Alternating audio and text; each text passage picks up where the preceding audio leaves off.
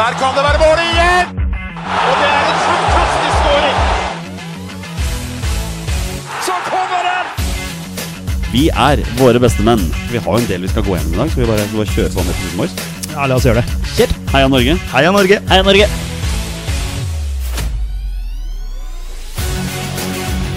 Takk, Ole Gunnar Solskjær!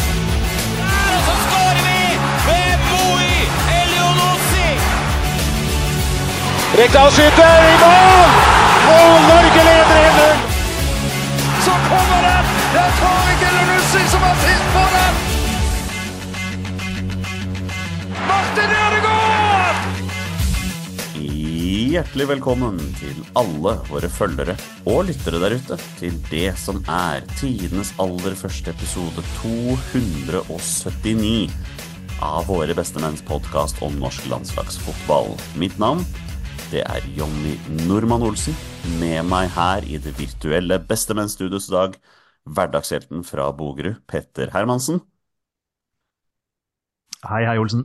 Og tilbake for første gang på evigheter, det er våre bestemenns 20 spørsmål-general Thomas Follerås.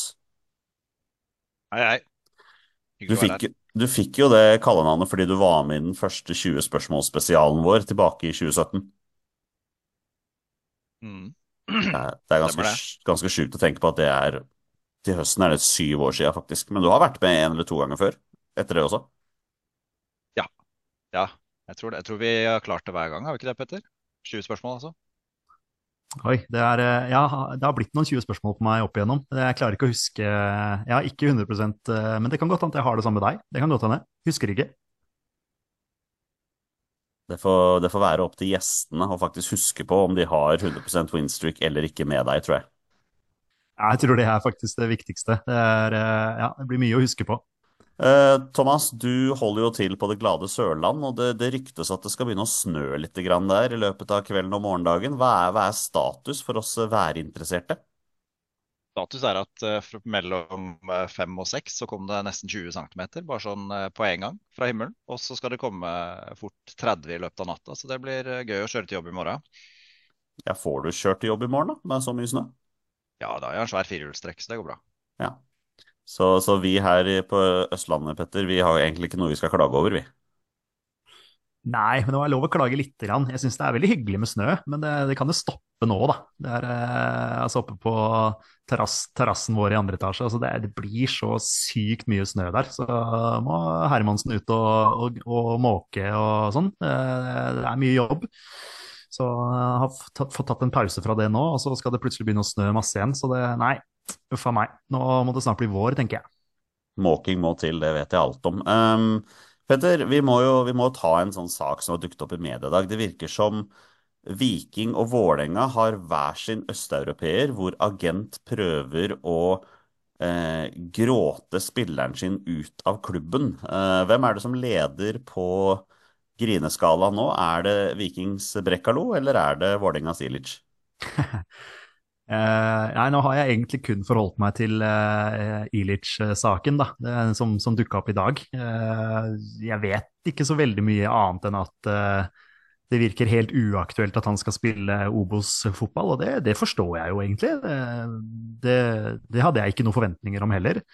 Men, eh, men eh, det er liksom den derre agentvirksomheten da, som er veldig sånn shady. Du så det med Willy Njonto i Leeds også, øh, før, før sesongen der, hvor, hvor agenten eh, setter eh, føringene, og at eh, spillerne skal komme seg vekk. Eh, Det er klart at For agenten så er det, er det jo lukrativt også å, å skrape inn penger på, på overganger, så jeg, jeg, jeg skjønner jo det. men men eh, når det begynner å bli snakk om sånn at nei, da skal han streike, og han kommer ikke til å spille, og hvis han, hvis han skal spille Obos-ligaen, så kommer han ikke til å være den beste versjonen av seg sjøl, og så bla, bla, bla, bla. Det, blir mye sånn mye sånn eh, agentsnusk. Eh, og sånn som du pleier å si, Jonny, altså kontrakter er jo ikke verdt en dritt. Altså Ilic har kontrakt eh, i Vålinga i ja, tre, og halv, tre og et halvt år til, tror jeg.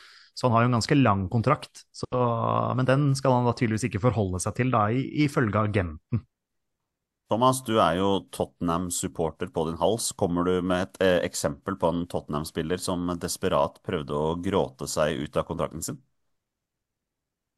Ja, det har jo vært noen opp igjennom, da. Men de, som regel så har de ikke sutra så altfor mye. De har stort sett uh, sutra, men gjort det litt profesjonelt. Du har jo Harry Kane som prøvde å sutre seg til City. Det er vel uh, det nærmeste eksempelet som kommer nå. Uh, og så har du varianten som Modric, hvor agenten prøvde å sutre han, men han ble en sesong til for å ære kontrakten før han dro til, til Real. Så det er ikke noen Jeg kommer ikke på noen sånn umiddelbare eksempler, i hvert fall. Profesjonell sutring der altså, Petter. Ikke helt det som foregår i Vålerenga.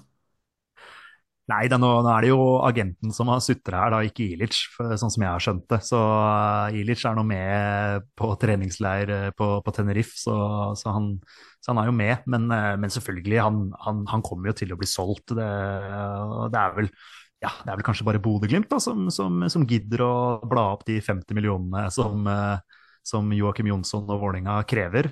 Nå ser jeg at Glimt holder på å selge Mombania til var det Marseille da, som dukka opp her. Så at de kommer jo til å håve inn en ganske god sum der. Så 50 millioner for å hente Ilic er jo småpenger for eh, pengesterke Bodø-Glimt. Ja, Om Ilic går for 50 millioner kroner fra Obos-ligaen, det, det, har jeg vanskeligheter for å tro, altså. Um, men det får så bare være. Vi har jo en uh, veldig kul episode foran oss, Petter, så jeg lurer på, skal vi bare, skal vi kjøre i gang med episoden, eller? Ja, la oss gjøre det. Og så får vi et kjør fra Sørlandet, da. Kjør. Ja, Nydelig. Da gjør vi det.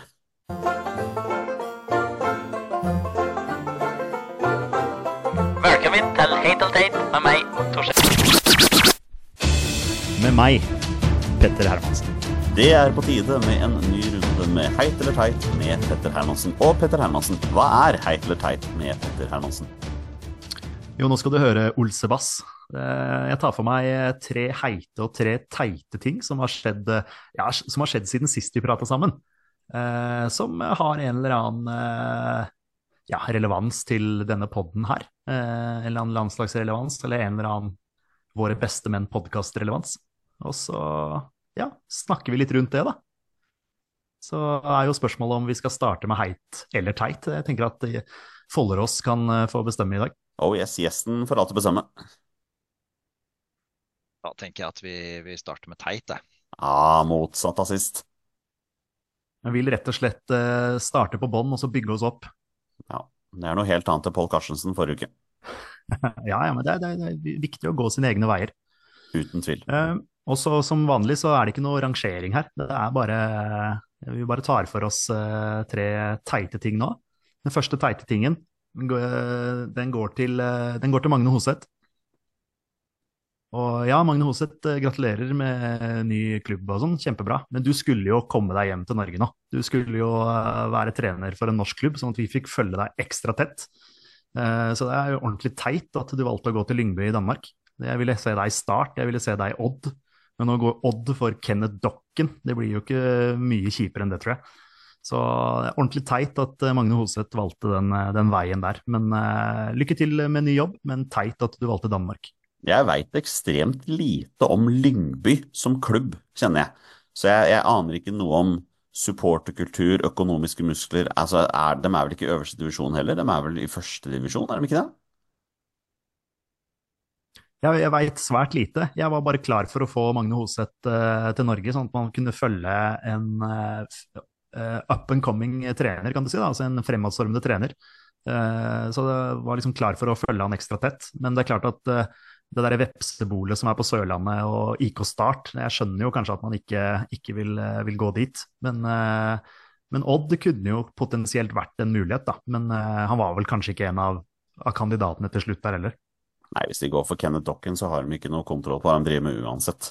Um, det er også litt morsomt. Han har hatt et, litt av et eventyr med Klaksvik eh, borte på Færøyene der. Det er litt fascinerende når du har sett hvem det er Klaksvik virker å gå, som, gå for, da, som erstatter. Hvis du har fått med deg det, Peder? Eh, ja, det var, var, det Eirik Bakke som var nevnt der? Eirik Bakke, var det ikke det? Det var snakk om det, ja. Ja, men han har takka nei. Ja, han har det, ja. Ja, så da må de gå til neste nordmann, eventuelt. Ja. Thomas, er du, er du, godt oppdatert på dansk fotball og Lyngby? Uh, nei. Jeg vet at de holdt på å rykke ned i fjor, men jeg vet ikke hvordan de har gjort det uh, hittils i år. Men hvis de skaffer seg en ny trener halvveis ut i sesongen, så tyder vel det på at de ikke gjør det så bra de hadde håpet, i hvert fall. Jeg kan, jeg kan avsløre nå at Lyngby ligger på syvendeplass i den danske superligaen. De er da eh, førsteplass som gir nedrykksplayoff. Altså de seks laveste lagene skal spille nedrykksplayoff, og de seks øverste skal spille mesterskapsplayoff. Og for oss som er glad i playoff, Petter, så er det der en guds gave til fotballen. Ja, det er sånn halve ligaen spiller playoff, er det ikke sånn? Nei, hele ligaen spiller playoff. Sånn merkelig. Ja, sånn ja. Ja, ok. Ja, ja det er sånn merkelig, merkelig opplegg. Det er, eh, jeg synes jo det er jo merkelig nok med denne Obos, eh, Obos-liga-oppsettet hvor, hvor tredjeplassen da må vente i tre måneder før de får spille kamp og sånt. Det er jo sånn det er, det, det, det er ikke noen fordel å komme på tredjeplass, egentlig. Sånn, selv om du ja, kanskje skal være bedre enn de andre lagene. Men du må liksom vente på at de andre lagene får spille kamper, og så, så et par uker senere så skal du få spille. Så det er litt sånn spesielt oppsett. Det høres ut for meg som du har begynt å oppdatere deg på hvordan spillereglene i Obos-ligaen fungerer, da. Det er helt korrekt. Nå er det nytt år. Eh, Vålinga ligger på ja, ligger de sist på Obos-tabellene? Det er vel Vålinga og Ålesund er to A-er, så det er mulig de er øverst, eller kanskje de er nederst. Usikker. Men eh, ja, jeg har sett at Vålinga er et Obos-lag, så jeg må, jo, jeg må sette meg litt inn i hvordan dette funker. Ja, det er godt å høre. Skal vi ta en, eh, vi ta en heit til? Nei, unnskyld, teit til. Vi tar en teit til, vi. Eh, den går rett og slett til den, Nå har jeg jo eh, hatt Kristoffer Claesson på heit to ganger på rad. Eh, nå forsvinner han på teit. Eh, det er jo ikke Claesson sin feil, det er jo Daniel Farke som egentlig burde fått teit. Men eh, han har ikke så mye med norsk landslagsfotball å gjøre. Det har jo Kristoffer Claesson, vår gamle U21-landslagskeeper og forhåpentligvis kommende A-landslagskeeper. Eh, men eh, ja, nei, det var en seriekamp i helgen da Leeds banka Cardiff 3-0 på bortebane. Eh, Melier i mål, Claesson på benken det er jo fryktelig teit eh, for oss i denne poden her, at, uh, hvor Claesson da endelig hadde to kamper på rad, to clean sheets på rad, og så kommer Melier tilbake, og så bare tar han plassen igjen. Det er ordentlig teit, når vi, når vi liksom drømte om uh, at Claesson kanskje hadde, hadde, spilt seg til, uh, til den plassen, da, selv om jeg innerst inne visste at det her kom til å skje. Og da er vi tilbake på vi vil ha Claesson ut av Leeds. Ja, ikke sant? det blir jo sånn. Eh, men, men, nå har han jo vært veldig nære, da. ikke sant? Han, eh, og nå er han andrekeeper fordi Darlow er ute med skade. Så da har han jo i hvert fall den, hvis Melier får eh, blackout igjen, sånn som han gjorde i den Preston-kampen, hvor han bestemte seg for å ja, dytte slash slå en motspiller i, i ansiktet. Så, så, det kan jo hende, da. Så Claesson får bare være på tå hev og være klar når muligheten byr seg. og ja, som vi nevnte sist, han har holdt nullen i alle de tre kampene han har spilt, offisielle kampene han har spilt for Leeds, så det er jo noe å ta med seg det. Thomas, du er jo tidligere keeper. Eh, hva vil du si er eh, Hvor bør Kristoffer Claesson gå? Altså, Hva er nivået hans? Hvor bør han sikte?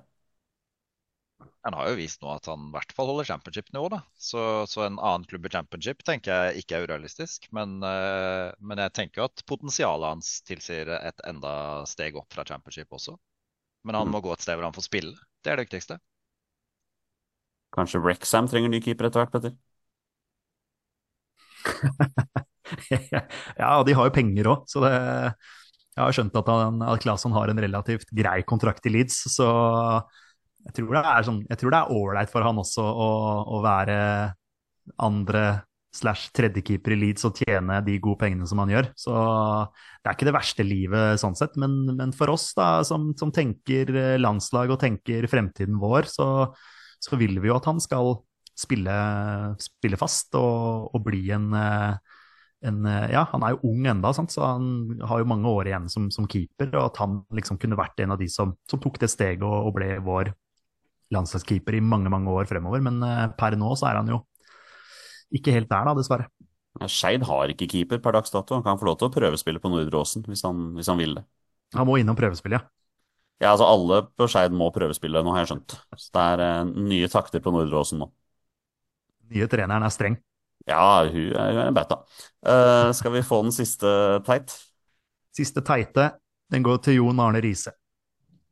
Ja. Altså, jeg digger Jon Arne Riise. Jeg elsker mentaliteten hans. Han har vært en av de beste og viktigste med flagget på brystet. Og den karrieren han har hatt, har vært helt uh, fantastisk. Jeg tror liksom Hvis du spør en Liverpool-supporter om, eh, om eh, hvem som har vært eh, det beste venstrebekken i Liverpool de siste årene, så er det mange som drar opp Jon Arne Riise. Men han har jo ikke selvinnsikt eh, overhodet. Eh, og det er jo det som er teit her. Eh, han har eh, ja, feila eh, der han har vært. Eh, I, I, Blink var det der han var. I Tønsberg og Flint var det. Flint var det. Flint, ja. ja hvor de egentlig hadde ambisjoner om noe opprykk der, tror jeg, hvis ikke jeg husker helt feil. det endte i nedrykk. Avaldsnes har vel hele veien hatt en sånn at de skal berge seg. det har han jo for så vidt greid, og så ble de jo degradert nå pga. noe økonomisk rot, var det vel. Og så ble de enige om å avslutte der. Eh, men han sikter jo mot eh, Obos og Eliteserien allerede.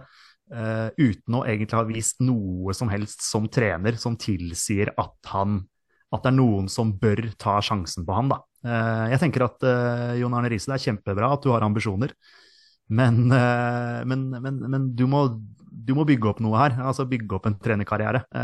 Og, og, og, vise noe. så jeg har trua på han. Eh, jeg liker han, men det er skikkelig teit at han går for den derre Nei, nå er det liksom, nå skal jeg til Obos-ligaen, nå skal jeg til Eliteserien. Og ikke på en måte har en mer ydmyk tilnærming til dette her, da. Thomas, ser du en uh, framtidig Premier League-manager i Jon Arne Riise? Eh, nei. Selv om han sjøl mener at han kan sammenlignes med Klopp, så, så, er han nok ikke han, Jeg tror ikke det går, rett og slett. Ja, det var dette med selvinnsikt igjen, da. Det var, ja. Skal ikke være lett. Tottenham eh, trenger kanskje en ny en når Arnch Postekoglu går videre til større og bedre klubber. Eh, det blir ikke Jonar Riise, altså? Nei, det, det ville jeg slitt med, skjønner jeg. Men, eh, men nå skal Postekoglu bli så lenge jeg lever, tenker jeg. Så det er fint. Det er noe med det, Petter. Altså, Tottenham er jo Det er jo ikke bare bare liksom å finne en klubb som er større enn Tottenham. Det er jo en massiv klubb. Massiv klubb, uh, uten tvil. Og uh, det er den klubben uh, jeg hadde holdt med hvis ikke jeg hadde holdt med Leeds. Det har jeg vært ærlig på mange, i mange mange år. Så Tottenham er jeg egentlig veldig glad i. så den, det er jo en klubb som, som aldri lykkes, da. Altså, det er jo fint det intervjuet her med Timo Werner som snakker om at han kommer for å vinne titler og sånne ting. Og det, no, we don't do that here. det er liksom Så nei, eh, Tottenham er en fin klubb, men eh, ja, med et stort potensial. Men eh, de får det vel ikke helt ut, da. Så du den der memen som gikk her med Timo Werner sitt skudd på Old Trafford? ja, det var Ja, det var et Ja, ikke så veldig bra skudd, nei. Nei. Vi får uh, avslutte teit, og så gå over til det vi har venta på, heit. Vi går på heit, uh, og jeg starter kanskje med den mest åpenbare heiten. Uh, det er selvfølgelig Oscar Bob, som blir matchvinner for City mot Newcastle. Og viser seg å være en, en, viktig mann for Pep. En mye mer viktig mann enn hva du og jeg, Jonny, har snakka om i den poden her. Han har jo fått mer spilletid og, og sånn enn denne sesongen enn hva vi hadde trodd. Uh, og den skåringa han, han, viser der, da, først og fremst en fantastisk ball fra Kevin De Brøne, men, men uh, ballkontroll uh, og, og, den roen han, han, viser der, Bob, hvor han holdt på å si tofots scorer forbi keeper der, det er sånn det er sånn, altså det er sånn man gjør på Løkka. Det er sånn løkkefotball, det han Oskar Bob viser der. Så det er rein, pur, pur skjær klasse. Og man blir jo glad, da. At det er liksom en, en, nordmann, en, en, norsk landslagsspiller, som gjør det der. Eh, så det er eh, den, den, mest åpenbare heite den runden her, føler jeg. Det er jo sånne mål han skårte på Løkka i Norway Cup når han var en bøttehøy, liksom. Ja, ja. Det er eh, Du, du ser det jo når, de, når, når, man ser igjen de klippene fra da han var ja, en, en liten pjokk. Den ballkontrollen og den touchen og sånn, det er helt vilt. Så han har ikke han har ikke mista den, for å si det sånn, men den, den skåringa der er, eh, det er pur klasse og utrolig gøy. Eh, selv om det er eh, FC sportsvasking, som du sier, Jonny, så, så, så må man likevel hylle at han, at han, får spilletid for et av verdens beste lag og, og, og, og er såpass viktig. Da. Det er utrolig kult. Thomas, klarer du å eh, engasjere deg over at Oscar Bob skårer et mål, selv om vi veit at det er et brudd på menneskerettene bare å skåre det målet? Uh, ja, det gjør jeg. Uh, av alle de grunnene som Petter sier, men også fordi jeg har to elleveåringer i hus som uh, har Oscar Bob bare klatrer høyere og høyere oppover den lista over sine favorittspillere. Så nå, nå er han oppe og nikker sammen med Ødegaard. Ødegaard faller han stadig nedover, for han spiller for feil klubb. Å ja, men Oscar Bob spiller for riktig klubb, altså. Ja, men den er grei. Ja, de, de har ikke noe De kjenner jo ikke De klarer ikke å sette seg like inn i den der uh, skitne bakgrunnen til City som at Arsenal er feil. Nei da, det er for så vidt uh, ikke noe pappa har gjort i det hele tatt på det Nei, nei, ikke noe, ikke noe hjernevasking.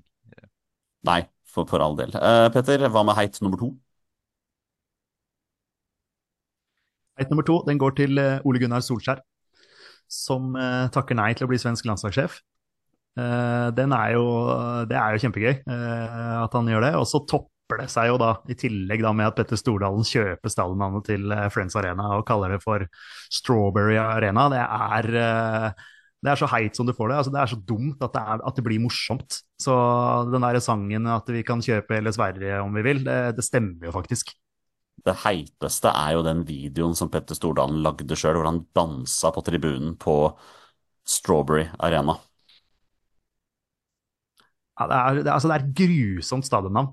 Altså, det er altså, Velkommen til Strawberry Arena og dagens landskamp mellom eh, Sverige og Norge. Det høres så Nei, det, det, det høres ikke riktig ut i det hele tatt. Så det er forferdelig. Og jeg så en liste her, jeg lurer på om det var Mattis Moen jeg, som la ut uh, liste over forferdelige svenske stadionnavn. Det var jo helt uh, Altså, du, man kan jo gjerne klage på Intility Arena. Jeg syns jo det klinger nå i hvert fall litt, da, selv om jeg ikke er så glad i å si det navnet.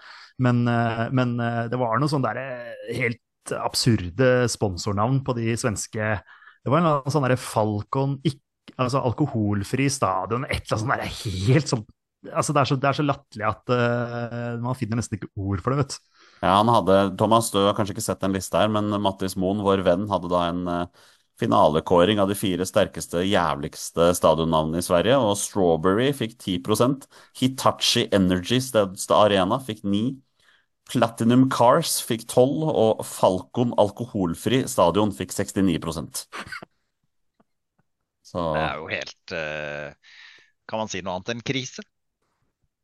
Nei, det har vært noen uh, skikkelig kriser. Guldfogelen Arena er også en stadion som heter der. Ja, nei, vi, eh, vi holder oss til eh, Holder oss til norske, norske navn der, altså. Ja, jeg hopper til den siste heite.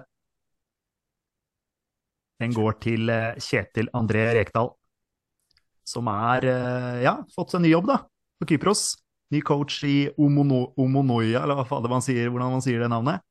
Men det blir altså en 5-1-seier i hans eh, første kamp som, som coach. Det er jo bare å hylle. Offensiv og angrepsvillig fotball der altså fra I. Så det er gøy for eh, rekerull. Vi får se hvor lenge det varer, men et lite, lite sydenopphold på Kypros der er vel ikke å forakte i den eh, alderen han er i. Det kan man jo si. det tror jeg han kommer til å Det tror jeg han setter, setter pris på. Og så ja, får den starten der, en flying start. Det er, eh, det er gøy. Han eh, tar liksom eh, litt Kypros nå før han, eh, før han tar eh, den norske, norske landslagsjobben etter hvert. Thomas, du er vår ledende ekspert på kypriotisk fotball. Hva har du å si om Omonias sjanser for seriegull i år? De økte jo drastisk nå som, eh, som Kjetil Rekdal tok over, eh, vil jeg si. Så får vi se om han, han gjør det bedre enn hva Henning Berg gjorde i samme klubb. Ja, absolutt. Bare, bare fire poeng bak Apoel da, eh, på, på serieste topp der. Eh, Man vil jo kanskje tro at Apoel er en av favorittene til å, til å vinne serien der i år, da. Ja, og, og jeg, jeg- kan se for meg Kjetil Rekdal i, i baris på treningsfeltet der. Kose seg i sola. Nei, det kan ikke jeg. Det var fin der, eh, Rekdal på har, har du ikke sett det bildet av han som florerer? Lurer på om det var fra Ålesund-tidene, hvor han står i baris der. Det er jo pur klasse. Men han var Ja. fin på pressekonferansen der, hvor han, hvor han dro fram colaen på slutten av pressekonferansen. Det syns jeg var gøy. Var det ikke pærebrus, altså? Nei, nei, nei, gå for cola. Gå for cola. Og Geir Frigård er med på lasset, ikke sant? Ja, jeg tror det. Jeg har ikke fått med meg noe annet, i hvert fall. Jeg mener det. Ja, det de to er eh, De hører sammen, de, så jeg, jeg, jeg mener det. Men eh, nå var fokuset på, på rekerull. Geir Frigård som skårte det første landslagsmålet jeg har sett live på Ullevål stadion noensinne. Det syns jeg er kult at du husker. høsten 1994. Det var veldig gøy. Takk for heit til teit, Petter. Alltid en opplevelse. Og et nytt skudd, og det er 2-0! Og det er Rekdal igjen som som så blir matchvinneren med et kanonskudd eh, fra 20 meter. Og det er et veldig fint eh, norsk angrepsspill. Gode prestasjoner over hele linja. Vi tar spørsmål fra våre lyttere, Petter og Thomas. Og Thomas, du får den første her. Fra Kjetil. Hvilke tre nasjoner håper dere det er lenge til vi møter igjen? For min del er f.eks. Kypros og Spania er så lei. Ja. Um, jeg, liker ikke når Norge møter Tyrkia. Nei. Eh, Det, det, så det håper jeg blir en stund til. Eh, Spania syns jeg ikke var noe sånn voldsomt plagsomt annet enn at de er gode, selvfølgelig. Uh, Kypros Nei, ikke enig i den. Ungarn har jeg ikke lyst til å spille mot. Nei, Nei, jeg er veldig lei Kypros og Malta, jeg, Petter.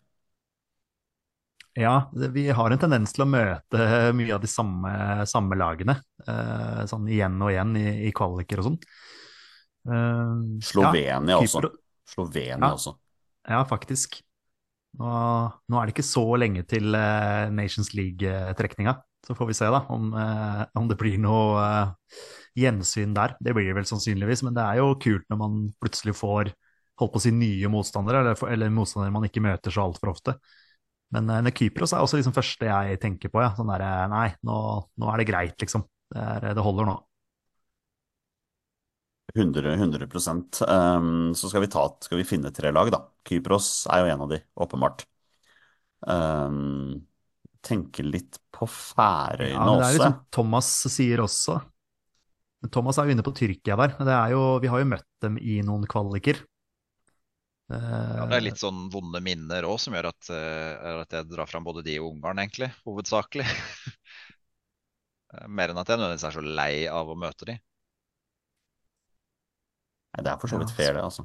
Ja, ja, Spania har vi også møtt noen ganger, ja. Det er jo litt, i- Ja. det er litt irriterende å møte de òg, men det er jo som Thomas sier igjen, da, det er jo fordi de er så jævla gode. Vi har jo klart, vi klarte jo 1-1 på Ullevål for noen kvaliker siden, hvor eh, Joshua King utligna på straffespark der. Men eh, så det er jo, det er jo mulig, mulig å, å ta poeng mot dem, men eh, nei. Det er liksom Kypros som skiller seg litt ut, sånn negativt i hvert fall. Da tar vi Kypros, Spania og Tyrkia der. Får vi en fra hver. Det er fair. Eh, Kjetil har et nytt spørsmål. Hva slags supportere er dere med tanke på oppmøtetid på stadion? Er dere tidlig på stadion tidlig inn? Kommer dere 15 minutter før avspark? Er det forskjell på klubb og landslag? Eh, Petter, vi kan jo begynne med deg. Eh, Fra, fra oppveksten min så tok altså pappa tok oss med på Ullevål og på Vålerenga-matcher, og da var vi alltid en time før. Eh, og det er liksom noe jeg har tatt med meg eh, videre. Det er liksom bare noe med det der å, å å si, suge til seg litt stemning først, og se, følge med på oppvarminga og sånne ting. Så, så jeg prøver å være på plass eh, ca. en time før. Eh, nå med nå med småbarnsliv så er ikke det alltid like enkelt å få til. Så, så, lenge, jeg, eh, så lenge jeg rekker kampstart, så er det liksom det aller, aller viktigste. Men uh, i en ideell uh, kampdag så er jeg på plass en, en ca. en times tid før. Da får jeg liksom holdt på å si, roa meg ned litt på matchen og prata med dem jeg er sammen med, og snakka litt om forventninger og ja, som sagt, se på, se på oppvarming, eh, få med stemning. Spesielt hvis det er eh, ja, si uh, Vålinga mot uh, Lillestrøm, da, eller Vålinga-Lyn, da, som blir liksom greia i år, så kan jo det bli uh, kamper med voldsom stemning før match også. Så, så ja, times tid. Det er vel sånn cirka det vi har prøvd også på landskamper, Jonny, selv om det kanskje har, har eh, blitt eh, kortere og kortere eh, tid til, til avspark da, eh, underveis. Men ja, vi, så lenge vi rekker kampen, så er det det viktigste. Ja, En eh, time, tre kvarter på landskamper er vel stort sett det vi pleier å, å forholde oss til. Ja. På, på Skeid-kamper så er jeg ganske konsekvent minst en time før. Um, ikke nødvendigvis pga. stemningen for min del, men det er mer for å, for å hilse på folk og bare bli, på en måte være litt tilgjengelig. Jeg er jo tross alt supporterleder for den her eh, gjengen som står på tribunen der, og så føler jeg nesten litt sånn pliktig å stille opp tidlig og slå av en prat med folk det gjelder og sånn. Jeg syns det er veldig trivelig, da. Jeg, jeg liker, liker å gjøre det. Um, Thomas, hvordan er du der, da? Nei, jeg, er jo for så vidt enig i alt Petter sier. En times tid er, er fint. Eh, jo eldre jeg har blitt, jo, jo Og jo kaldere det er, jo mindre lyst har man jo til å stå lenge før, eh, før kampstart. Men, men, tre kvarter tenker jeg liksom, da rekker man kiosken. Man rekker å skravle litt og se litt oppvarming før uh, kampen starter og alvoret setter inn. Hva med, hva med, hva med ditt liv som uh, pappa-fotballsupporter? Du har jo to gutter som har begynt å spille fotball. Er det en time før der òg? Ja, nå er jeg jo trener, da, så, så jeg må jo møte opp. Eh, 40 minutter før kampstart er det vi pleier å møte, vi trenerne. Og så ja, kjører vi oppvarming og prøver å skape litt eh, iver hos uh, spillerne før de begynner. Ja, men det er helt fair, det. Vi hopper til neste spørsmål, Petter. Det er fra våre velkjente podkastentusiast Sigurd, også kjent som Soneforsvar. Um, han skriver følgende. Bekker bunnsolide. Vinger svært lovende. Spisser verdensklasse. Midtbane meget solid midtstoppere OK minus. Jeg forventer så mye mer av dette norske landslaget. Svært få landslag er helt komplette. Burde vi ikke greie å kamuflere den ene svakheten vi har?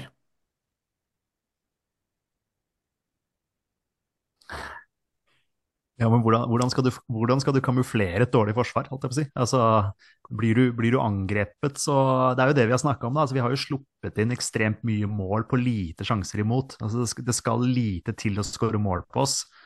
Eh, så det er vel der Man må jo starte der, da, med å snøre igjen. Men eh, noe fasitsvar på det, det har jeg jo selvfølgelig ikke. Må først og fremst ta spille med spillere som er uh, i kampform og som er gode nok da, til, å, til, å, spille der. Men uh, det er selvfølgelig der vi, der vi, sliter aller, aller mest, uten at jeg vet hva vi, hva vi skal gjøre for å, for å snøre igjen. Det, det, er, det, er, litt for lett å skåre mål på oss, ja. Thomas, som den eneste fotballtreneren uh, her til stede akkurat nå, hva gjør du for å tette igjen bakover for Vegårshei gutter 11? vi har måttet bare putte flere bak der for å prøve å tette igjen. Eh, det er jo ikke så veldig mm, realistisk å tenke at landslaget bare skal hive enda flere midtstoppere inn der og tenke at det løser noen problemer, for å si sånn. Men, men jeg er jo for så vidt enig i at det burde være mulig å, å jeg vet ikke, skåre mer da, med de spillerne vi har framover i banen. Og så på den måten kamuflere de baklengsmåla, kanskje? da? Ja, kanskje det. Angrep er det beste forsvaret, Petter. La oss bare prøve å skåre flere mål enn motstanderen. Ja, sant, vi skårer jo tre mot uh, Skottland, uh, men det er jo bare kjipt at vi slipper inn tre også, uten at den kampen hadde noe, noe voldsomt å si. da, men, uh, men ja, angrep er beste forsvar, selvfølgelig. Klarer vi å holde ballen og, sette motstanderen under press, så, så, så, klarer ikke motstanderen å, å score, fordi det er vi som har ballen. Men eh, det er klart at med en gang motstanderen får tak i ballen, så kontrer de jo på oss, og så skårer de. Da. Så det er, jo liksom, det er jo det som er vanskelig her. Så nei, nå må vi bruke landskampene framover på å få satt et skikkelig godt forsvar. fordi jeg tenker Det som skjer framover i banen, det er man jo ikke bekymra for. Det er jo egentlig bare å gi ballen til Bob eller Nusa, eh, Martin Ødegaard så, så, skjer det ting offensivt. Så, så har du en uh, stor uh, Altså, du har jo Braut Haaland, du har Sørloth, du har Strand Larsen. Altså det, for meg, som jeg har sagt før, og det spiller nesten ingen rolle uh, hvem av dem som spiller på topp. fordi at fòrer du dem, så skårer de mål. Så, så nei, vi må, vi må bare fokusere nesten 100% på, på det defensive og få satt et skikkelig solid forsvar. og Det er en stor jobb for Ståle og kompani. Og så får det offensive bare gå sin gang. Fordi ja, det skjer ting framover hvis du gir ballen til, til de rette folka foran mål, i hvert fall. Ja. Vi tar et spørsmål fra Jonas Aune Sunde fra podkasten Den 60 Unnskyld, jeg mener Rabona-pod, som det nå heter. Um, ingen tvil om at Ståle nå fortsetter med 4-3-3, men hvem blir indreløperne? Markus Henriksen og Jeg dratt inn litt Markus Henriksen der, ja. ja. Han er god på det. Ja, han er god på det. Nei Skal man bare la det spørsmålet bare henge i lufta? Hva tenker du, Thomas? Jeg tenker at uh, når man velger å foreslå Markus Henriksen, så spørs det om det fortjener et ordentlig svar. Altså Sander Berg og Patrick Berg, tenker nå jeg, da. Hva gjør det så enkelt? Ja, jeg liker nå Patrick Berg eh, mer i den dyptliggende, da. Eh, og ikke en indreløper. Men eh, du kan ha, du kan ha Aursnes og Sandeberget da, som indreløpere. Ja. Um, for eksempel. Ja, det er for så vidt sant. Sande Berge og Aursnes, og så har du Berg som dyptliggende. I hvert fall sånn som jeg, jeg ville satt opp da, i en 4-3-3. Ja, hva med Martin Ødegaard, da? Nei, han er fri rolle. Han er fri rolle, ja. Han bare, han bare setter det på banen. Ja, det spørs, jo, det spørs jo igjen på hvilken formasjon, da. Hvis det, hvis det er tydelig at han skal gå for 4-3-3, det, det Da må jo Ødegaard spille en av indreløperne. Da må han ha en av indreløperrollene, ja. Og da er det jo kamp mellom Sander Berge og Patrick Berg, da kanskje, i den dyptliggende. Ja, det må jo være det. Hvis du vil, hvis du, hvis du vil ha Sander Berge som den ballvinneren der, eller om du vil få de offensive klyvene hans i indreløperrollen. Jeg er usikker, men eh, selvfølgelig, Martin Ødegaard er jo en som skal på laget uansett. og eh, Optimalt sett så spiller jo han i en, en type tier, da, med, i, i mitt hode, men vi spiller vel ikke med tier, kanskje, så vanskelig. Da må det være en eh, ja, en, han får jo en slags fri rolle uansett, han kanskje. Han gjør nok det. Eh, Thomas, du får det neste spørsmålet her. Det, kommer, det er ikke spørsmål, det er for så vidt et tankeeksperiment fra Ola Løkkevik. Han lurer på José Mourinho som norsk landslagssjef.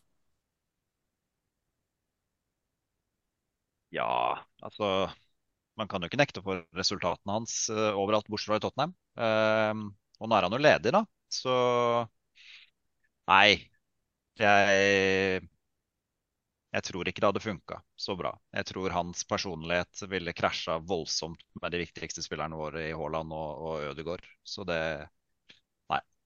Jeg tror nok, Og så tror jeg han begynner å bli utdatert, rett og slett. Tenk deg å se Mourinho som norsk landslagssjef, Petter. Altså, jeg hadde ikke sagt nei. Eh, Det hadde vært, eh, det hadde vært kult. Eh, Jeg er jo litt fan av Mourinho. Jeg, da. Han var jo svært nære eh, å ta over Fredrikstad en gang i tiden. Eh, For de som tar lange, flate baller-referansen der. De som har, eh, de som har sett de filmene. Nei da, han, eh, han eh, Altså, hadde Norge fått en mulighet til å hente Mourinho, liksom sånn, OK, Mourinho eh, vil, vil bli norsk landslagssjef for en edruelig eh, sum, så så hadde jeg vært veldig for å prøve, selvfølgelig. Se for deg eh, den Heia fotballepisoden hvis de hadde fått José Mourinho som gjest. Se for deg den introen. Ja, det er for å gå gjennom karrieren hans og trofeer og sånne ting, ja. Så det, ja, nei, det de, eh, Roma hadde tydeligvis en, en eh, ganske kjapp eh, en sånn løsning ganske kjapt der, da. Så det var vel bare sorry, Mourinho, vi har en annen eh, på, på plass her, så du må, du må ut. Det blir spennende å se hvor han, hvor han skal neste gang. Det blir, altså, nå sparkes det jo sikkert trenere i Premier League og sånn, så at han, eh, at han får seg ny jobb, det er jo 100% Ja, 100 Eh, Petter, du får den neste. Den kommer fra Fredrik og Sverre Follerås. Hvis Leeds skulle signert to norske spillere fra Eliteserien i dette overgangsvinduet, hvem? En for framtiden og en som kunne hjulpet med opprykk? For et, for et fantastisk eh, spørsmål. Jeg har tenkt litt på det, jeg så det jo tidligere i dag. Og Leeds har, sånn som jeg ser det, som en eh, supporter eh, langt, langt unna Ellen Road, så er det to posisjoner eh, Leeds kunne trengt forsterkninger. Det er venstreback, og så er det i en tierrolle. Vi har ikke klart å erstatte Pablo Hernandez etter at han forlot klubben. Leeds trenger en, ja, trenger en slags boksåpner, og en som kunne kanskje gått inn og, og hjulpet allerede nå, fordi han har et utrolig klokt fotballhode eh, og kunne strødd litt pasninger der framme til eh, ja, til Bamford eller Pirot eller eh, Rutter eller hvem som skal ligge der framme. Det er Magnus Wolff Eikrem. Eh, Ah. som jeg tenkte på der, som kunne spilt i en offensiv midtbane-tierrolle. Eh, han har jo en utsøkt høyrefot, eh, så han, eh, han kunne jeg gjerne tenkt meg å støtte der. Ikke at det er realistisk, men det var liksom en av de spillerne jeg tenkte på. Og så, eh, som en unggutt, eh, så er jo liksom vanskelig å komme unna nypa da. Eh, en for fremtiden. Eh, men også sånn har jeg også tenkt på venstrebekken, og en som kunne kommet inn, og en som Leeds også var interessert i en gang i tiden, er jo Fredrik Bjørkan, da. Som, som kunne gått inn og sannsynligvis gjort en god jobb på, på venstrebekken for, for Leeds. Så det er eh, Eikrem og, og Bjørkan, eh, en av de to som en som kan gå inn med en gang og, og gjøre en jobb, og så Nypan som en sånn eh, hot, hot prospect for the future. Det er eh, glimrende svart. Eh, Thomas, du får den neste. Det er tross alt dagens viktigste spørsmål. Det kommer fra Simon Bakke. Han lurer på om Ullevål skulle byttet navn til en type fruktarena. Hvilken frukt skulle man valgt?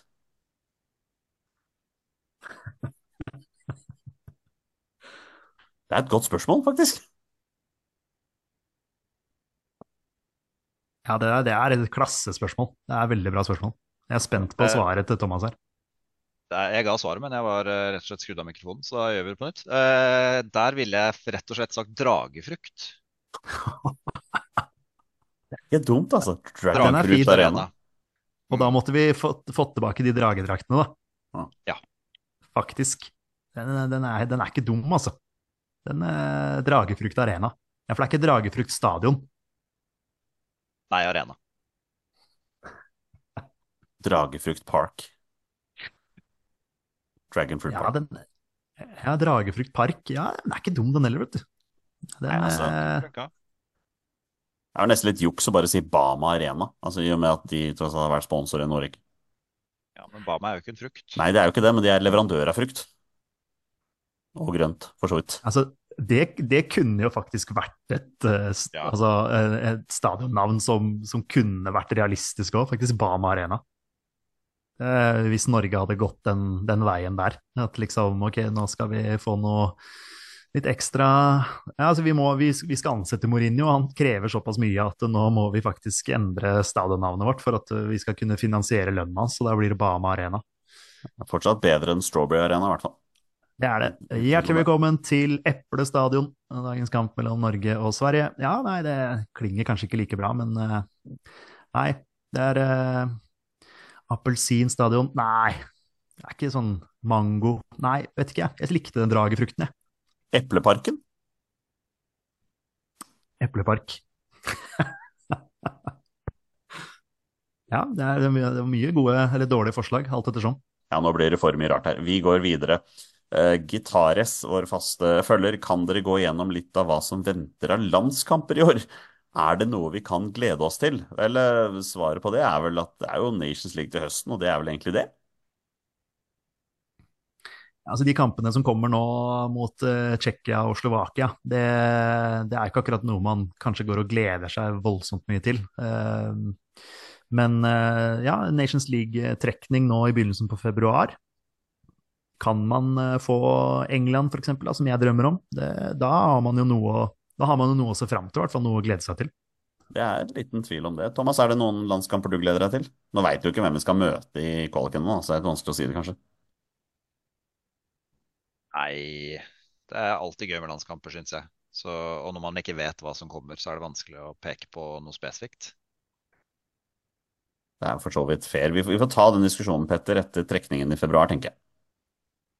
Ja, Enig. Vi avslutter eh, spørsmålsrunden med spørsmål fra Olai Årdal. Jonny satte for noen år siden opp sin startelver til første VM-kamp i 2026. Kan han dra den fram igjen, sånn at vi får høre, og så kan dere eventuelt bytte ut navn som ikke passer lenger? Vel, Petter, jeg fant ut at i podkasten vår for fire år siden, i januar, da satte jeg opp det som skulle være eh, startelveren til Norge i første kamp i VM i 2026 mot Kamerun i New York, da. Eh, Så jeg har funnet fram den, og jeg skrev jo også opp hvilken klubb de skulle spille for. Så jeg tenker at jeg kan bare gå gjennom den, så kan du og eh, Thomas få lov til å vurdere sannsynligheten for at det skjer om to år. Kjør, Olsen. Ja, eh, i, i mål om to år så har jeg en 37 år gammel Vålerenga-keeper ved navn André Hansen.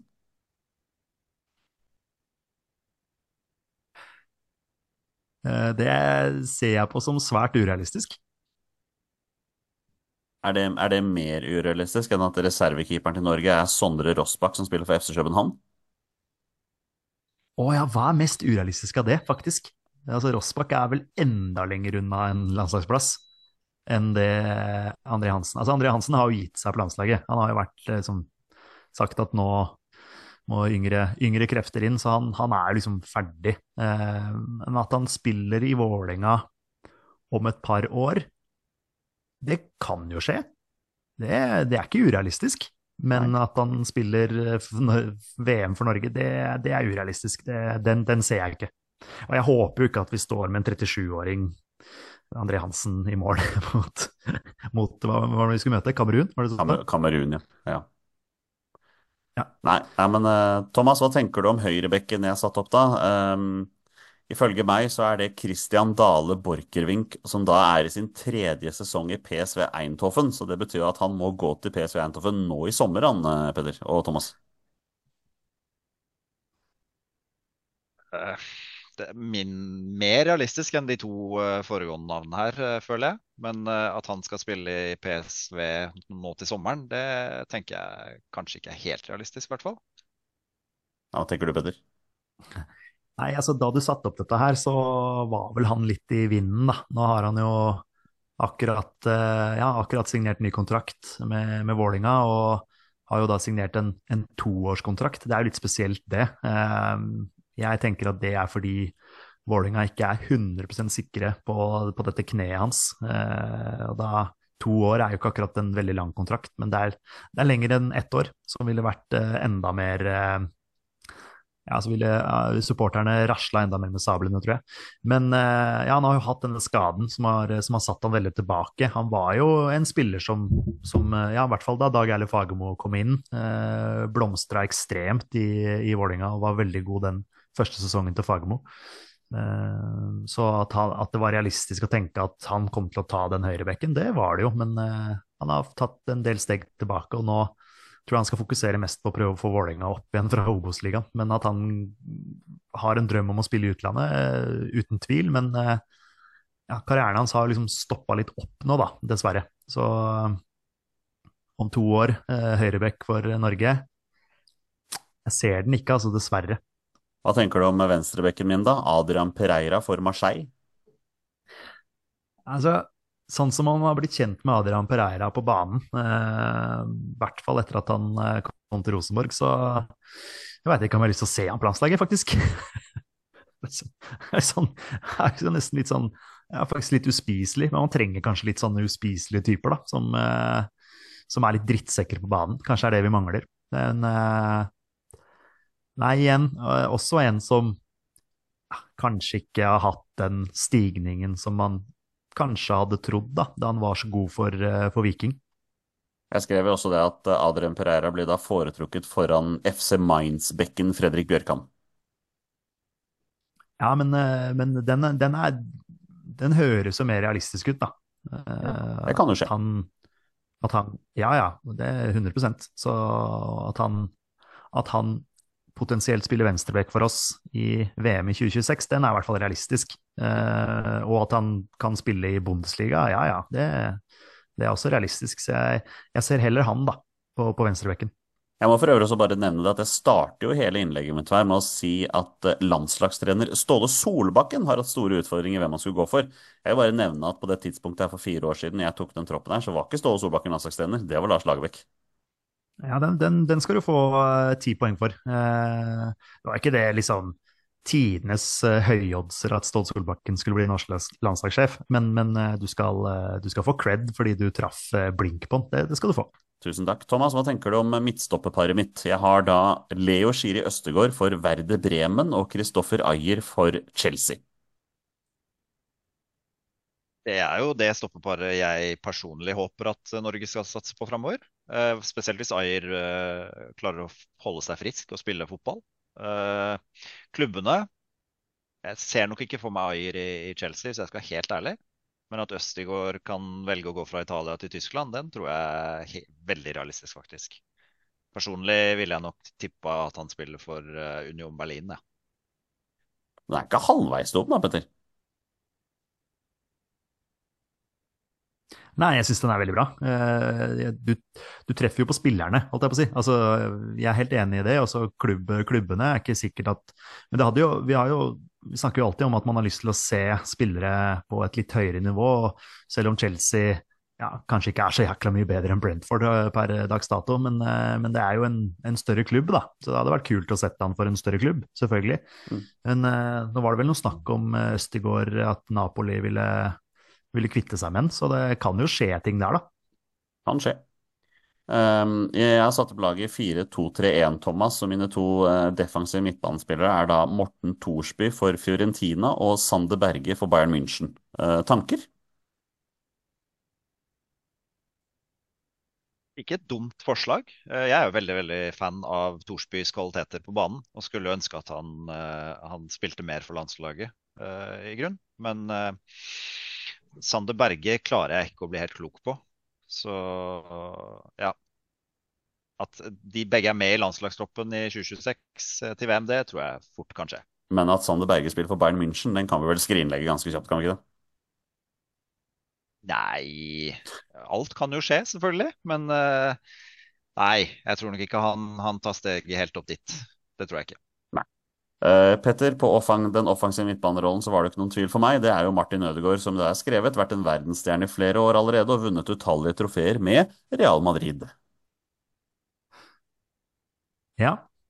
Det er eh, Ja, det ble ikke Real Madrid, det ble Arsenal. Mm, har vel ikke utallige trofeer der ennå, men eh, det kan vi jo Det er jo noen, et par år igjen, da, eh, til, fram til 2026 og VM. Eh, Så det kan jo skje at han vinner noen trofeer. Det bør han jo Bør jo egentlig Arsenal eh, få til. Snakka litt om potensial i Tottenham. Det er jo et stort potensial i Arsenal også. men De får du ikke helt til, de heller.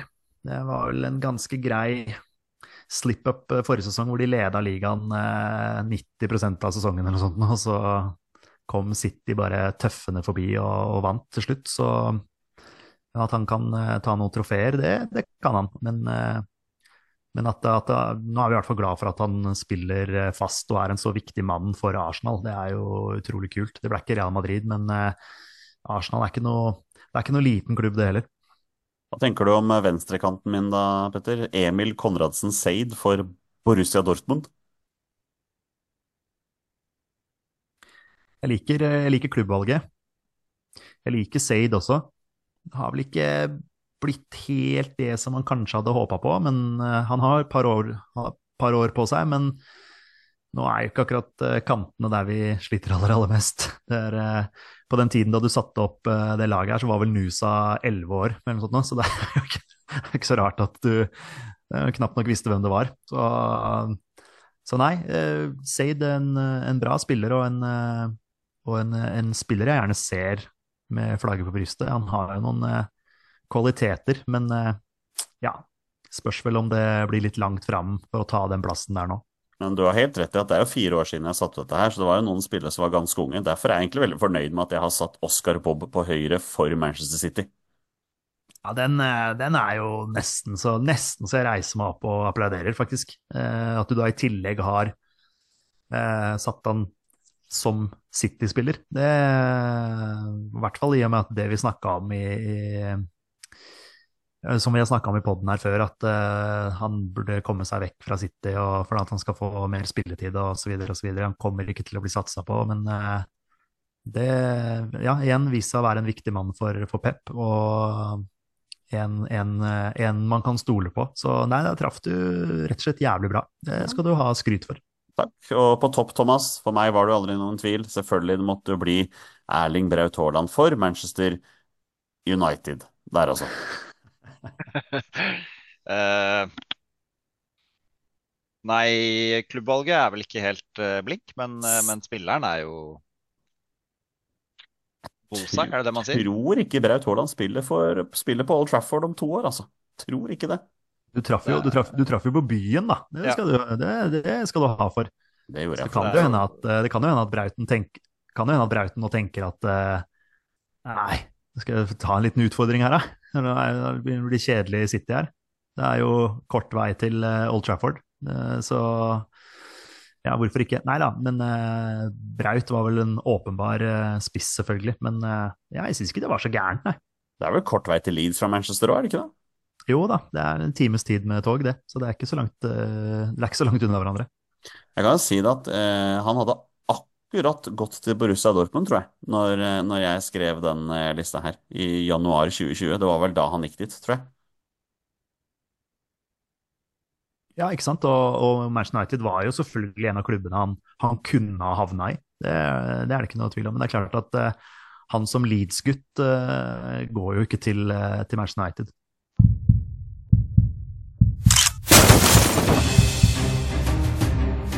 Er han nåværende landslagsspiller? Er han utenlandsproff? Er han fortsatt aktiv?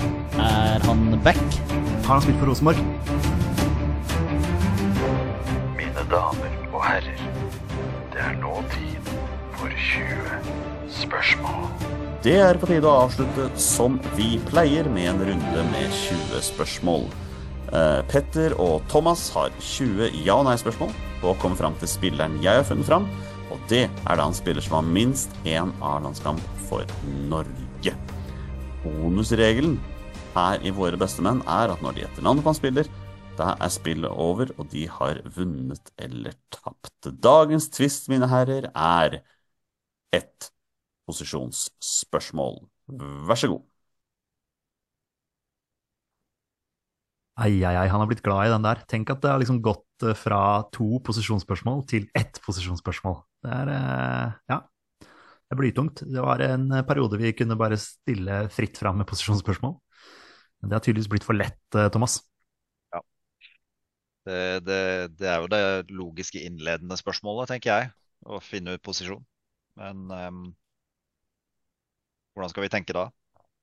Nei, kan ikke du eh, Jeg syns det er i hvert fall interessant å finne ut om han fortsatt spiller fotball, da. Ja, vi kan starte der. Er, er han fortsatt aktiv, Jonny? Nei. Ikke aktiv spiller. Hvem er det du tenker på da, Thomas? Første du tenker på? Thomas Myhre? Er det fordi han har samme fornavn som deg? Ja. Nei, det er fordi jeg leste en artikkel om han her for et par dager siden. Uh, av en eller annen grunn. Jeg husker ikke helt hva sammenhengen var, men det var en sånn karrieregreie om Thomas Myhre. Det var vel i forbindelse med Moss, tror jeg. Ja. Ja, nei, men da kunne vi jo selvfølgelig spurt eh, om det er en keeper, men vi skal ikke kaste bort eh, posisjonsspørsmål med en gang, kanskje? Nei, jeg har lyst til å ha noen alternativer før vi gjør det. Det er jo alltids interessant å høre om mesterskap, da. Det er jo liksom bare for å Ja, har han vært med i mesterskap for Norge, Jonny? Nei. Ok, ok. Da, da tenker jeg liksom automatisk etter 2000, liksom. At, eh, at det er en uh, Ja, i, i nyere tid. Uh, Det trenger jo ikke nødvendigvis å være det, men det er liksom det første man tenker når man får nei på det. Men, Ja, jeg er enig, i det. Det utelukker vel Thomas Myhre òg, gjør det ikke det? ja, det gjør jo det. Ja, nei, men det, det, det, det utelukker jo han. Han har definitivt eh, har til og med assist i mesterskap for Norge, så, Mm. så han er definitivt eh, vært på banen for Norge i mesterskap. Men ja, da kan vi legge da, Det er sikkert litt deilig for deg òg. Bare, Ja, jeg bare stryker han med en gang. Sånn. Da var han borte. Da var han long gone. Ja. Um, Hvor han, har, hvor han har flest kamper, kanskje? Altså, eller hvor han, hvor han spilte da han la opp, eller et eller annet der. Om han har flest kamper for en klubb i Norge, eller hvilken Ja. vei du vil eh, gå. ja, vi kan godt spørre om det. Flest kamper for en klubb i Norge eller i utlandet, da. Har han flest kamper for en uh, norsk klubb? Ja. Holder den klubben til i Eliteserien 2024? Nei. Oh, OK. ok. Så den klubben holder til potensielt i Obos, Eller lenger ned. eller lenger ned. Flest kamper, ja. Det er jo ikke sikkert at uh, Ja, vi må bare ta det med en gang. Uh, den klubben han har flest kamper for, holder den til i Obos-ligaen, uh, Olsen?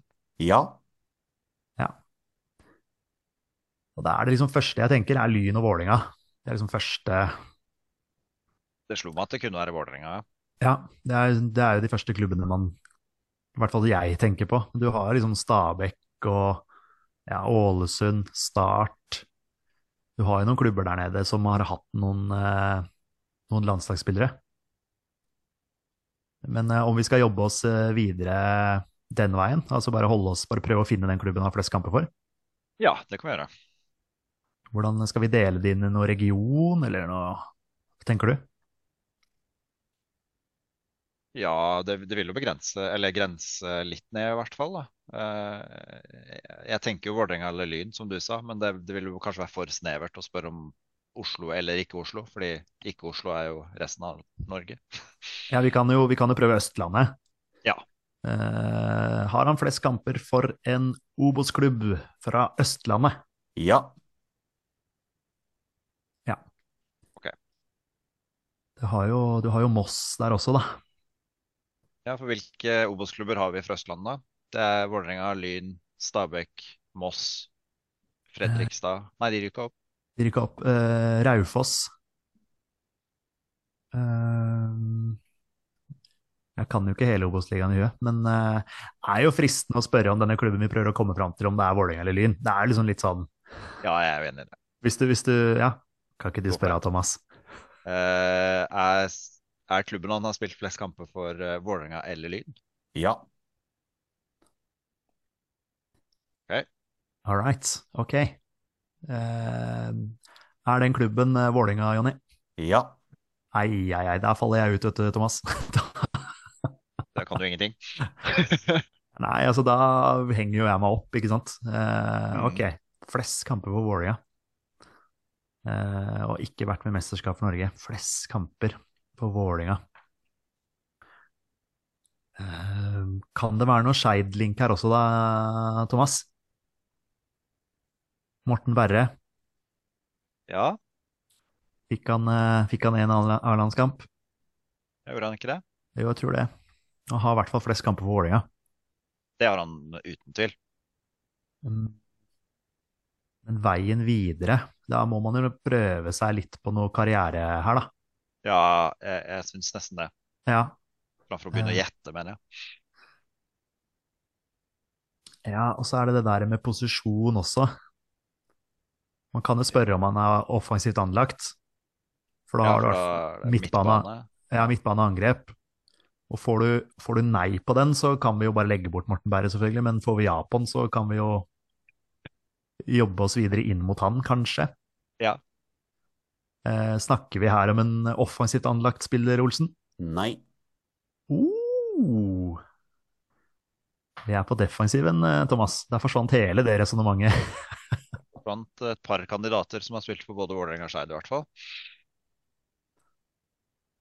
Hvis vi tenkte den veien. Ja, ikke sant. Defensivt anlagt. Det er liksom eh, Erik Hagen, eh, Kjetil Wæler er jo Mm. to spillere jeg liksom de første jeg tenker på. Og de har ikke vært med i mesterskap for Norge. Er jeg i hvert fall rimelig sikker på. Nei, det har de ikke. Uten at jeg skal si helt sikkert, så tror jeg ikke det. Det er jo de to, og begge de to har jo spilt i Premier League. Uh, har de ikke det, da? Wæler var i Wimbledon, men spilte han noen ting da? Og, og Hagen var vel i Wiggen en liten tur, var han ikke det? Hagen var vel et halvt år i Wiggen, var han ikke det? Ja, jo, jo. Ah, Jo, jeg mener det. Og han spilte, for det husker jeg. Ja, ikke sant. Og Wæler sleit jo litt med skade, men det går jo an å spørre om han har, om han har vært i engelsk Premier League. Bare for å Ja, men Saves. samtidig sier du spilt, så Ja, jeg kan ikke si sikkert om Wæler spilte eller ikke i Nei, det er, det er det jeg ble usikker på. Om han var en av de som eh, Om han var en av de som var der, men sleit så mye med skade. Eller om det var en eller annen. ja, Vi kan spørre Premier League, da. Det vil i hvert fall grense ned litt. Ja. Eh, har han vært i engelsk Premier League? Ja. Det er ti, så da er vi halvveis. Hvilke kandidater eh, Nei, altså du har jo Det er jo de to. Det er jo de to, også liksom Ronny Johnsen. Men eh, han har eh, vært med i mesterskap for Norge. Og han Eh, spilte vel ikke flest kamper for Vålerenga? Definitivt ikke flest kamper for Vålerenga. Men eh, med tanke på Premier League-sporet, så var det liksom han. Eh, hvem er det som har vært back der, da? Det er liksom Tom Henning Håvi og Freddy Dos Santos. Det ble vel ikke så mye Premier League-fotball der, med mindre Håvi var innom noe Nei, kan jeg ikke se for meg. Nei, det, det er liksom Hvaler eh, eller Panser her, altså. Det er jo Ja, for det er vel ingen keepere som har vært i Vålerenga og Premier League? Er det det? Nei, Boltoff var vel veldig nære, tror jeg. Nei da. Uh, nei, altså du har jo Arne Gauter Arason, da, men han har ikke noe landskamper for Norge. Nei. Uh, nei, det er eh, Hagen Wæler er de som står igjen her nå. Jeg er enig. Så er det egentlig bare å jobbe seg vekk fra de. Kan, spille, kan spørre om han har spilt i, spilt i Russland, f.eks. Der spilte jo Hagen. Der Wæler har ikke vært i Russland. Nei, han har vært i Sverige, har han ikke det? Eh, Vært i, var han i Aalborg eller noe sånt? nå? I hvert fall i Var han i Danmark en liten tur? det Tror jeg. Han var, var vel i AIK, var han ikke det? Tror? Nei, eller Jeg trodde han var i Sverige en tur òg. Eh, Ja, det er mye mulig. Mye mulig. Eh, men jeg skal stille et helt annet spørsmål. Hmm. Har han spilt for eh, Dette er en hyllest til Olai Årdal. Har han spilt for Sogndal? Ja. Ja. Der har du jo Kjetil Wæler. Ja. Han har vært i Sogndal. Så det er eh, Ja. Det er er det har ikke Panser. eh, Nei, ikke så vidt jeg vet, i hvert fall. Men Wæler Ja. Jeg kan jo stille masse spørsmål rundt Kjetil Wæler. Ja, hvis, hvis du har et til som på en måte avgrenser enda mer. Men jeg, men jeg føler at uh, Jeg tviler på at vi resonnerer oss fram til noen andre alternativer per nå. Uh, ja, altså jeg, vet at det er en forsvarsspiller eller keeper som ikke er aktiv, har spilt for Vålerenga og i, vært i Premier League i hvert fall, ja, og har spilt for Sogndal. ja. ja, det høres ut som eh, Det høres ut som Kjetil Wæler. Det, det er det ikke noe tvil om. Lurer på, han skårte ikke han for Norge mot Sør-Afrika eller noe sånt nå?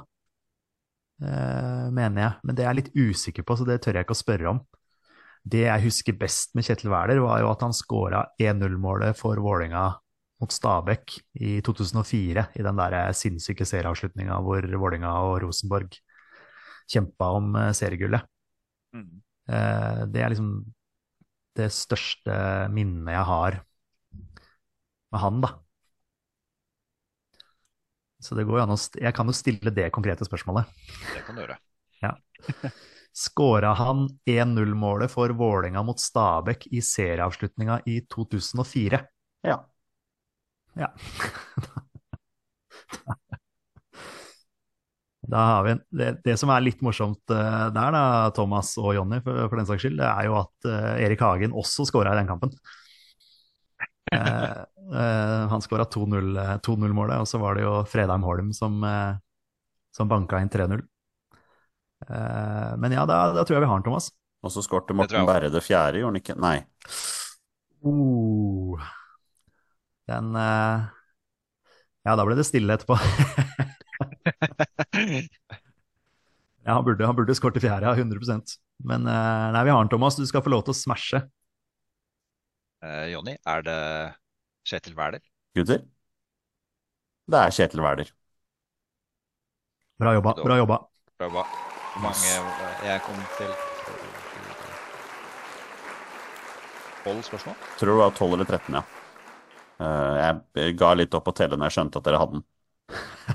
Så var det sånn greier der. Uh, Petter, suverent flest kamper for Vålerenga i sin karriere. Uh, 170 seriekamper for Vålerenga. Uh, 111 for Frigg. Nei, Frigg, sier jeg. For Lyn. Ja, riktig. Han er, han er jo gammel Frigg-gutt. Det er han jo tross alt. Så det var han, i, var han i Sverige? Ja, han var i IFK Göteborg, Uh, og så har han også vært i Aalborg. Ja, så han har, vært i, han har vært i hele Norden. Skandinavia. En av de to. Riktig. Riktig. Um, ja, hvor mange A-landskamper fikk Kjetil Wæler da, mine herrer? Hvem kommer nærmest? Oi, oi, oi. Nei, hvor mange kamper kan han ha fått, da? Jeg sier, eh, jeg sier tolv, jeg. Tolv, ja. Og jeg Thomas? tror det er mer. Du tror det er mer? ja? Jeg sier, eh, jeg sier eh, 24. Å, det var det jeg skulle si. Vet du hvorfor? Vet du hvorfor jeg skulle si 24, Thomas? Nei. Kjetil Wæler drakt nummer 24. Det var derfor jeg sa det òg. uh, vel, ikke overraskende så har dere begge feil. Uh, det riktige svaret er 32 A-landskamper for eh, Norge Ah, det blei såpass, ja. på Kjetil Wæler der. Uh, så det, så. Men uh, gratulerer. Dere tar 20 spørsmål. Gratulerer så mye. Tusen hjertelig, tusen hjertelig. Det var bra, det. Nei, men eh, 32, det var ikke så gærent, faktisk. Jo Husker ikke så mye fra den tida der, vet du. Men skåra han mot Sør-Afrika? Stemmer det? Ja, det stemmer. Eh, det stemmer. Eh, fikk sin første landskamp i 2005 og sin siste i 2013. Da spilte han for IFK Göteborg. Wow. Ok, ja. Ja da. Eh, og som du sa, han spilte jo en og en halv sesong for Sogndal også, hvor han pendla vel fra Oslo til Sogndal for å spille kampene. Tror du det var noe sånt. Han jogga, han, tenker jeg. Ja, det gjorde han helt sikkert. Oslo til Sogndal. Sannsynligvis. Uh, og med det er det på tide å avslutte dagens episode. Thomas Follerås, tusen takk så mye for at du har stilt i dag. Takk for at jeg fikk komme. Det var hyggelig. Ja, vi uh, inviterer han vel igjen på et senere tidspunkt, Petter, gjør vi ikke det? Ja ja, altså nå har jeg masa om å få med Thomas i en uh, ja, ganske lang periode her, så det var, var faen meg på tide at han stilte. Ja, det kom banneord òg. Vi klarte å komme helt hit uten banneord der altså. Unnskyld. Det går bra. Tusen takk til alle dere som hører på. Dere er fantastiske mennesker. Vi er våre beste menn. Heia Norge. Heia Norge. Heia Norge. Og hei.